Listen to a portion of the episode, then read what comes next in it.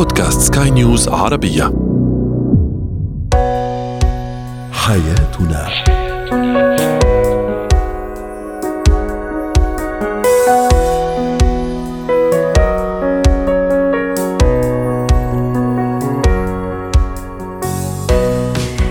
معكم آسيا البشارة أحييكم وأرحب بكم في برنامج حياتنا. نناقش فيه حياتكم بكل تفاصيلها ومختلف مجالاتها. نسعد دائما بمشاركتنا آراءكم وتعليقاتكم عبر واتساب على الرقم 00971 561 886223 يمكنكم الاستماع إلينا من أي مكان وفي أي وقت عبر موقع سكاي نيوز عربية وباقي منصات البودكاست. هو وهي.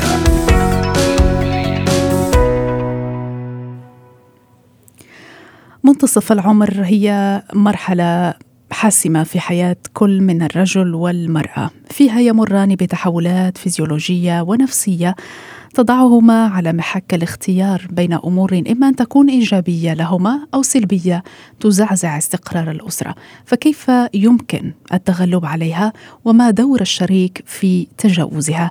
هذه الأسئلة وأخرى نحملها إلى ضيفنا الدكتور محمد هاني استشاري الصحة النفسية والعلاقات الأسرية. أهلا بك دكتور محمد، اذا أزمة منتصف العمر تختلف بين النساء والرجال، ما هي الأعراض التي تظهر لدى كل من الجنسين؟ أهلا بحضرتك.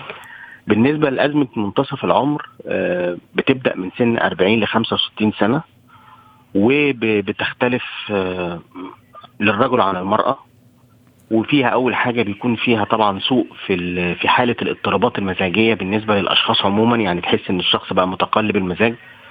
تحس إن الشخص ما بقاش آه، مستمتع ببعض الأمور اللي موجودة في حياته وعايز إن هو يغير أو عايز إن هو يتطلع لحياة جديدة أو إن هو ما عندوش استجابة زي الفترة اللي كانت موجودة في حياته قبل كده تحس إن هو محتاج إن هو يسمع بعض الكلمات اللي فيها نوع من أنواع الإيجابية أو إن أنت كويس أو إن أنت حلو أو إن أنت شكلا كويس. محتاج المساندة النفسية اللي بتبقى موجودة لأنها بتبقى فترة بتمر على الإنسان في مرحلة عمرية بتبقى صعبة يعني اللي هو بتبقى أنت مش عارف أنت عايز إيه. الأسباب دي بترجع بسبب إيه؟ بسبب إن الإنسان في مرحلة المراهقة ومرحلة الشباب ما عاش حياته بالطريقة اللي كان محتاج إن هو يعيشها. كان قافل على نفسه ما كانش فيه تغيير ما كانش فيه تجديد. في حاجات المفروض في مرحلة المراهقة أي إنسان مننا بيمر بيها فالمفروض إن هو يتعايش يعيشها آه يعيشها ويتعايش معاها. في بعض الناس ما عاشتش ده في مرحلة المراهقة فده كله بيخش في الكبت النفسي عند الإنسان. وبيحصل الانفجار بعد سن الأربعين. يقول لك بقى أنا إيه أنا ما عشتش أنا عايز أعيش حياتي بطريقة معينة أنا في حاجات كتير ضاعت مني أنا في حاجات كتير أنا محتاج أن أعوضها. وتلاقي في تغيرات وتقلبات مزاجية لأنه بيبقى في مرحلة اسمها مرحلة عدم ثبات الهوية. هو هويته النفسية مش متظبطة فعايز يثبت عند حد معين واستقرار معين فممكن تلاقيه أصلا في الفترة دي بياخد قرارات غلط. ممكن تلاقيه ما ياخدش باله من استقرار الأسرة. هو خلاص أنا بفكر في نفسي أنا ما يهمنيش أنا هعمل أي حاجة ممكن ترضيني وممكن تبسطني ماليش دعوة بقى الإنسان اللي معايا. هنا نتكلم دكتور على النساء كما الرجال صحيح؟ كلا الجنسين. كلا الجنسين زي بعض. الجنسين آه، زي بعض. اللي بيصيب في المرأة أكتر لأن المرأة بتشوف نفسها في الفترة دي إن هي محتاجة بعض التعديلات الجوهرية في شكلها وروحها. بتحس إن هي مثلا كبرت بتحس إن هي مثلا إن إن هي محتاجة إن هي تكون أحسن من كده. فده أنت عارفه لأن المرأة طبعا موضوع الجمال أو الشكل بيفرق في الحالة النفسية للمرأة. صحيح.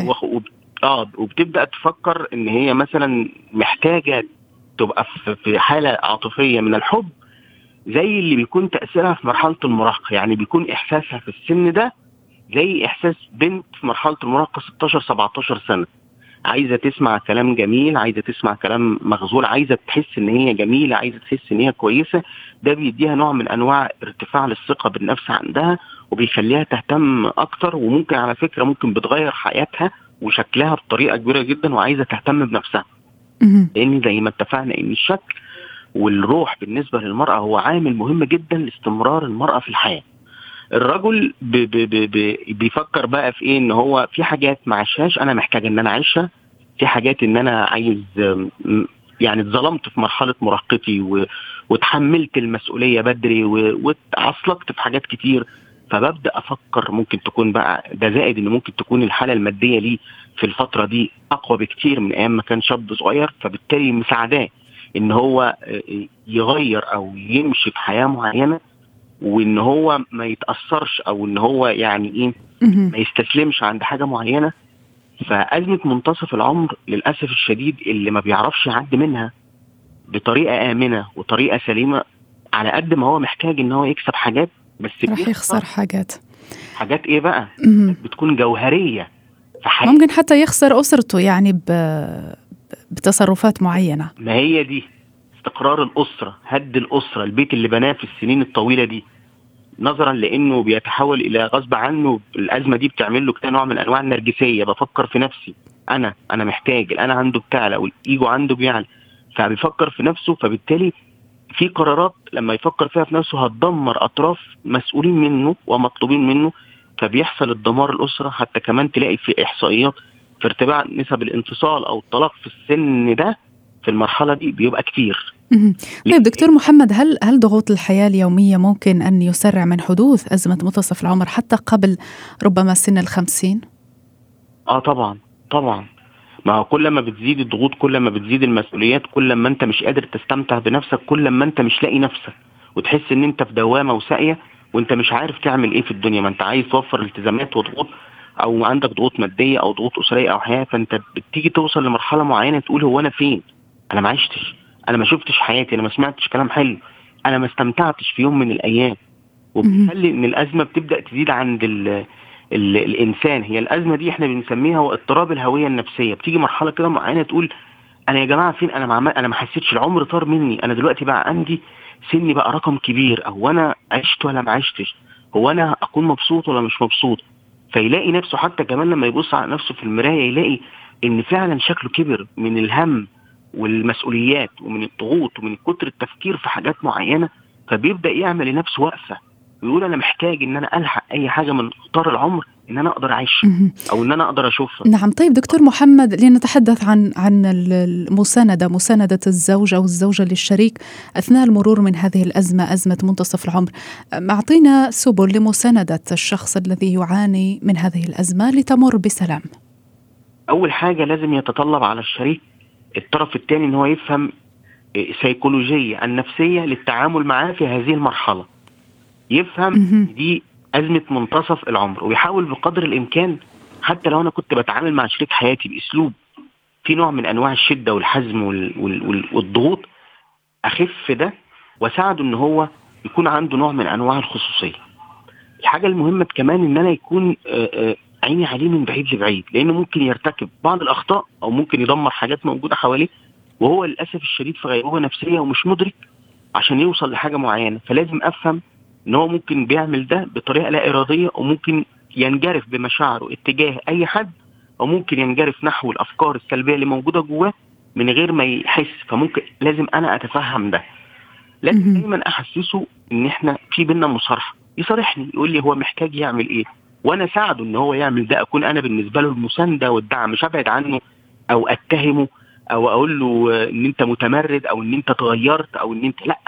قبل ما اتكلم مع اي حد لازم افهم الحالة النفسية والسيكولوجية النفسية اللي بيعدي بيها لطبيعة شخصيته فيها. وربما الاستعانة باستشاري إذا كان الوضع ربما جميل. غير مفهوم.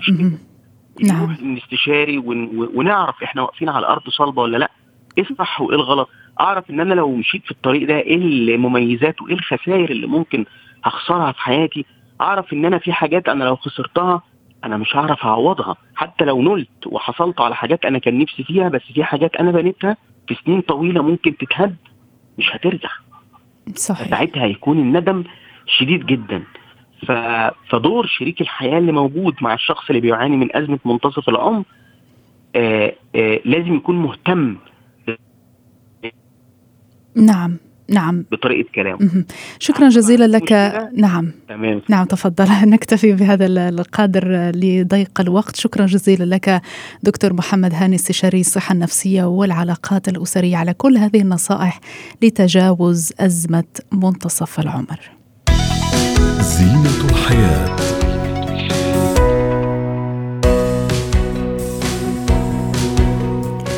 قد يكون البعض منا قد حصل معه موقف سخر منه الطفل أمام الجميع أو قال تعليقات ساخرة ومحرجة وأحيانا قد تكون جارحة.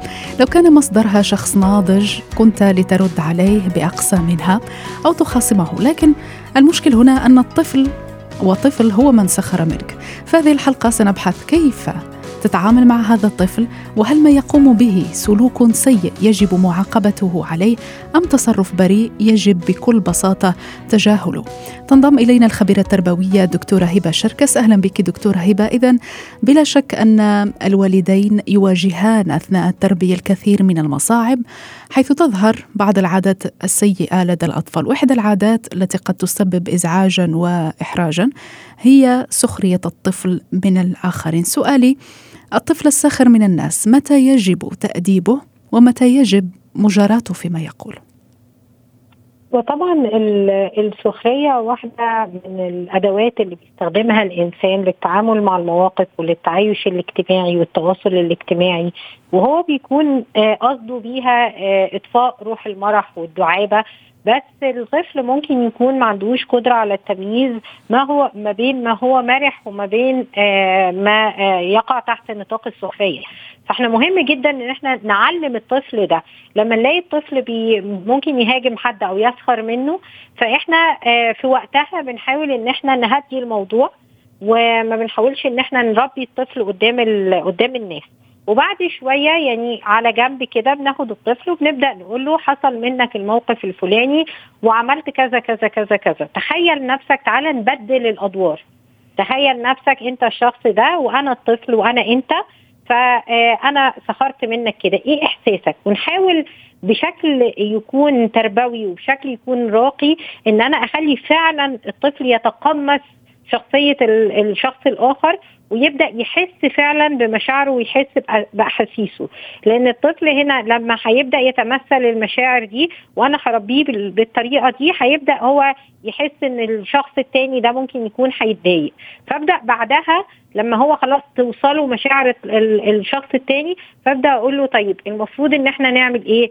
فمثلا المفروض إن إحنا هنروح نعتذر لهذا الشخص ممكن نكتب له رسالة صغيرة ممكن نجيب له هدية بسيطة زي وردة آه حاجة بسيطة جدا يقدمها الطفل بنفسه للشخص ده ويقول له أنا كان قصدي إيه؟ يعني يعبر برضه نخليه يعبر عن مشاعره إن هو كان قصده إن هو يطفي جو من المرح بس ما كانش عارف إن الموضوع ده ممكن يأذي آه شخص آخر. بعدها يعني بعد ما نع... يعني كده إحنا أول خطوة إن إحنا عدينا الموقف ساعتها وما كبرناش الموضوع نعم. تاني خطوة إن إحنا اتناقشنا مع الطفل وخليناه يتقمص دور الشخص التاني ويقدم الاعتذار ثالث خطوة هبدأ أفهم الطفل بقى بهدوء بعد ما حلينا المشكلة تماما هبدأ أرسخ آه قيم معينة عند الطفل اللي هي أفهمه الفرق ما بين المرح وما بين ال ال السخرية والتنمر على الآخرين. وأبدأ أعلمه أقول له مواقف وأقول له لو هو اتحط في موقف إن حد سخر منه إزاي يتصرف؟ ولو هو سخر من حد من غير قصد مثلا أو يعني بدون إدراك من غير ما يكون متعمد السخرية دي بس حصلت إزاي يتصرف؟ وإزاي يعتذر؟ وإزاي طيب دكتوره دكتورة هبة نعم دكتور هبة في هذه النقطة لدي سؤال.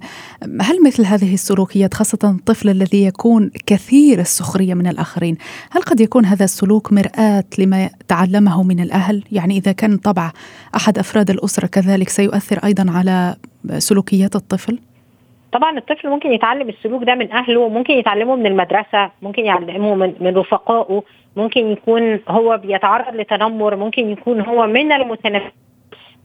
فطبعا هو آه ممكن يعني ممكن يكتسبه من الأهل وممكن يكتسبوا كمان من رفقاء الدراسة أو من رفقائه في أي مكان الاصدقاء مجموعة الأصدقاء. فممكن يكونوا هم واخدين الطريقة دي كطريقة للمرح وما عندهمش القدرة على التمييز ما بين ما هو مرح وما هو مؤذي للآخرين. فتبني سلوكيات الطفل هو مرآة للناس اللي حواليه وبيحاكي اللي بيحصل قدامه. شاف إن ده حصل والأطفال ضحكوا مثلا كلهم فتخيل إن هو لما يعمله في مجلس الكبار الكبار كمان هيضحكوا.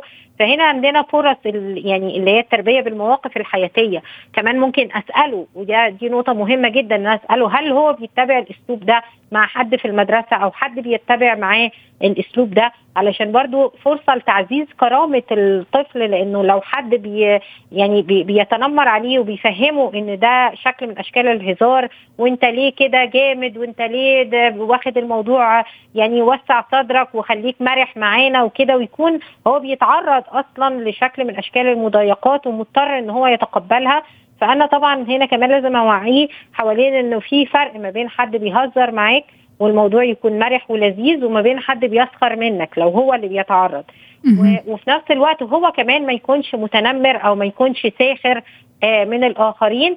وإن أنا أفهمه إن روح الدعابه بيبسط الدنيا وبيخلي الدنيا لذيذة وحلوة. كمان آه نقطة مهمة إن هو ممكن يستقي هذا السلوك من الدراما. من من المشاهدات صحيح. الإعلامية كتير اللي بنتفرج عليها واللي هي فعلا بتستخدم أسلوب السخرية كشكل من أشكال الكوميديا. طيب فطبعا ممكن الطفل يتمثلها لو كان هو عنده ذكاء اجتماعي عالي ممكن إن هو يلقط المشهد ده ويبدأ يكرره بأشكال أخرى أو يسقطه في حياته بأشكال أخرى. طيب دكتورة هبة إذا هذا الطفل مثلا سخر من شخص ناضج كبير أمام عائلته هل يجب لعائلته أن تتدخل؟ يعني بشكل ساخر قد قد يجرح يعني ذلك الشخص ولو أنه ذلك التعليق جاء من طفل. هو طبعا يعني إحنا ما بنقدرش نحكم المواقف الاجتماعية بشكل كبير قوي. يعني في أفراد مختلفين ردود أفعالهم مختلفة. قدراتهم على ضبط النفس مختلفة فممكن إن حد يبدأ يتدخل فهنا دور إن, إن يكون في حد ناضج بيحاول إن هو يوصل لحل توافقي إن هو يخلي الطفل يعتذر في, في لحظتها أو ياخد الطفل وينسحب بيه من من الموقف لأن صعب قوي إنك تضبطي ردود أفعال كل الناس اللي موجودين في موقف ما إن كلهم يتجهوا لتربية الطفل وتهذيبه لأن في واحد بيكون هو آه مثلا زعل علشان والده أو علشان أخوه أو يعني غضب فأنت تقدري تتحكمي وتسيطري على كل الناس اللي موجودين في المجلس صحيح. فهتلاقي إن في ردود فعل متباينة. فمن الحكمة تهدئة الوضع الراهن ومحاولات الوصول لتسويات بسيطة. ولو طبعا هو أساء لشخص قدام عيلته فلازم برضو كمان الاعتذار يكون قدام عيلته. يعني ما ينفعش إن هو إن أنا أعلم ابني إن هو يسيء لحد في العلن وبعد كده يصالحه في, في يعني آه على على استحياء وفي ظلام لا زي ما حصل ده يحصل ده ويكون الموضوع ما فيهوش إذلال للطفل. لكن بالعكس يكون في عزة. القوي هو اللي بيعرف يعتذر. لأن إحنا ممكن هنا معاني كتير قوي نغرسها جوه الطفل. يعني نفهمه الفرق ما بين الدعابة وما بين السخرية. القوة في الاعتذار وليس وليس وهن أو ضعف في الاعتذار.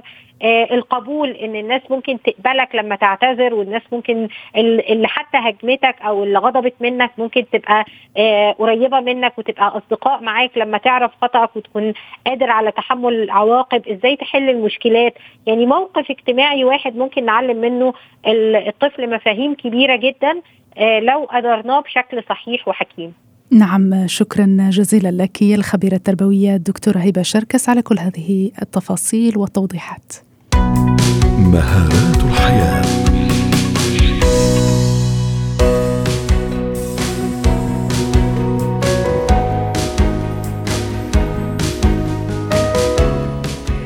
من السذاجة أن تعتقد أن كل الناس يتمنون لك الخير أو يهتمون لنجاحاتك أو يشجعونك على الاستمرار فيها. وأعداء النجاح ليسوا بالضرورة أو ليس بالضرورة أن يكونوا أشخاص قد يتجسدون في أفكارك وممارساتك عزيزي المستمع. مثل الشك في قدراتك هوس المثالية مفهوم النجاح النمطي عدم تنظيم الوقت وغيرها من الأفكار. للحديث أكثر عن مهارات التعامل مع أعداء النجاح وأيضا الحديث عن كيفية التعامل مع الأشخاص والأفكار أعداء النجاح أيضا. سنعرف عن هذا الشخص عدو النجاح من هو؟ هل هو الجاهل مثلا الذي لا يفهم أو العنيد الذي يصعب معه النقاش أو المتطرف الذي يرفض أي شيء مختلف عنه وأي نجاح كيفما كان؟ أحيانا هؤلاء الأشخاص أعداء النجاح يكونون متنكرين. وقد يشكلون أذى لنا فكيف نكتشف أنهم أعداء؟ ويجب أن نحذر منهم. هذا ما ستعرفنا عنه مدربة مهارات الحياة الأستاذة آه، تانيا معوض. أهلا بك أستاذة آه، تانيا. إذا كيف نتعامل مع الأشخاص أعداء النجاح؟ نعم أهلا بك آه، مدربة مهارة الحياة الأستاذة آه، تانيا عوض. كنت أسألك كيف نتعامل مع الأشخاص أعداء النجاح؟ آه، طبعا سؤال معقد شوي لأنه مين أعداء النجاح؟ بدنا نفهم ليش أعداء النجاح. يعني أول شيء بدي أطرح على حالي ليش بدي أنا سمي هذا الشخص اللي مقابلي عدو صحيح. للنجاح؟ اذا ممكن يكون سببها غيري. ممكن يكون سببها لأنه أنا آه، سبقتهم على التحقيق ما لم يستطيعوا تحقيقه. فاذا آه، هل المشكلة لدي أم لديهم؟ هذا سؤال كثير أساسي لازم أطرحه على حالي لما بدي أحكي مع ناس بعتبرهم أعداء للنجاح. آه، في ناس بتحب تخلينا تحت حدا لتضل مسيطرة علينا أوقات. في ناس بتغار في ناس عبالها هي تحقق يلي نحن حققناه. فاذا قد تختلف الأسباب ويجب أن أفهم الأسباب لكي أعرف كيف أتعامل مع كل حالة بحالة حالتها. آه، أول شيء بدي أكون واثقة من نجاحي واثقة من حالي واثقة إنه أنا اللي حققته حققته بتعبي. بسهري بعرق جبيني وأن ما حققته آه، آه، يسميه الآخرون نجاح لأن أوقات أنا بكون شايفة حالي ناجحة بس اللي حوالي ما حدا شايف. مفهوم النجاح يختلف من شخص لآخر طبعا. طبعا, طبعاً. فاذا أول شيء بدي أكون واثقة هل أنا فعلا ناجحة وأين نجحت؟ وبدي يكون عندي مش بس الثقة الثقة العمياء بشعة والثقة العمياء تعطيني تعطيني شعور بالأمان خاطئ. أيضا يجب أن أكون أن أعرف أين هي نقاط ضعفي لأن ما في إنسان ما عنده نقاط ضعف أو أثر بمحل. لما بكون بعرف نقاط قوتي ونقاط ضعفي أنا بكون واثقة و I stand my ground. يعني أنا آه، ثابتة بأرضي. ساعتها حسب الأشخاص يلي عم بتعامل معهم. إذا مثلا عم بتعامل مع عدو للنجاح آه، بسبب غيرته مني. آه، المشكل عند مين بسأل حالي السؤال. هل المشكل عندي ولا عند الآخر؟ لأنه أحيانا أستاذة يعني يمكن أن يكون الشخص فقط ليبرر فشله فقد يقول أعداء النجاح يحاربونني وكل يعني هذه الأمور. مضبوط مضبوط لهيك عم بقول إنه لازم كون أنا أكيد إنه أنا ناجحة وأكيد إنه أنا بالفعل في اعتراف بنجاحي من الناس حوالي وأيضا أكيد من نقاط ضعفي وين مقصرة وين لا. لكون عم بحكي عن نجاح حقيقي وألا بكون مقتنعة لحالي. هلأ بصير التعامل مع الآخرين حسب هن من وين جايين؟ إذا أنا بعرف كان عم يسعى هذا الآخر مثلا لتحقيق ما أنا حققته لكنه لم ينجح وأنا نجحت أنا شخصيا مثلا هالأشخاص بتعامل معهم كثير بلطف لأنه بعرف إنه عندهم قدرات بس يمكن أنا الحظ يمكن سعفني أو الفرصة سعفتني أكثر لأن ما حدا بينجح كمان لحاله. في عنا قدرات في عنا مقدرات ولكن أيضا أوقات بيلعب الحظ دوره التوقيت الصح دوره في أمور أخرى تدخل. بدي أكون عارفة بكل هالأمور. بينما إذا مثلا حدا عدو النجاح بده يحجمني لأنه خايف مني. لا اواجه ساعتها أواجه بالحقائق آه، لا أفتح المجال لهم بتخطي حدود معينة آه، من الإساءة لي أو لمن هم حولي. آه، ما لازم ساعتها خاف من المواجهة مواجهة اداريا أو مواجهة شخصيا بس بطريقة دائما بناءه يعني إذا كانت عدوانية هذه هذه العداوة للنجاح بدي واجهها لأنه بس أفتح مجال للعدوانية بتمد العدوانية. إذا كانت نابعة من غيرة بسيطة أو من سبق ما في العمل أو من أوقات حسد يعني بسيط بيكون. ما لازم ناخذها بعمق كثير ما لازم نتوقف عنها خاصة لما بنكون ناجحين وواثقين مما قمنا به ومن, ومن مقدراتنا ونقاط ضعفنا. يعني إذا كنا واثقين من إنجازاتنا من نجاحاتنا يجب أن نواجه طيب إذا كن خاصة الأعداء الذين يريدون الإيذاء الفشل طبعا. طيب نعم. آه، أحيانا أستاذة تانيا آه، قد يكون الشخص في علاقة إنسانية كيفما كانت سواء مع الأخ مع الأب مع الزوج مع الشريك إلى إلى آخره؟ قد تكون هذه العلاقة تقلل من نجاحاتك تسحبك إلى الأسفل تستنزف فكرك. هل قد تكون هنا القطيعة هي الحل بدل المواجهة؟ ببعض أنا أحبذ دائما مواجهة الصعوبات ولكن حتى رغم المواجهة كما تفضلت قد قد لا نصل إلى مكان وقد يستمر هذا التشنج وهذا الضغط آه، ونعم بأسوأ الحلال يمكن الابتعاد أو الانفصال قد يكون هو الحل ولكن شرط أن أجيب أنا على أسئلتي ما هي أولوياتي؟ هل أولوياتي أن أن أبقى في هذه العلاقة وأن أضحي بما أنا قادر على القيام به آه، كشخص ولا لا؟ أنا أولوياتي لا أحقق حالي لازم لانجح بعلاقتي لازم أكون محقق ذاتي وبالتالي إذا ما قدرت أحقق ذاتي أو أحقق نجاحاتي أنا ما إلي مكان بهالعلاقة.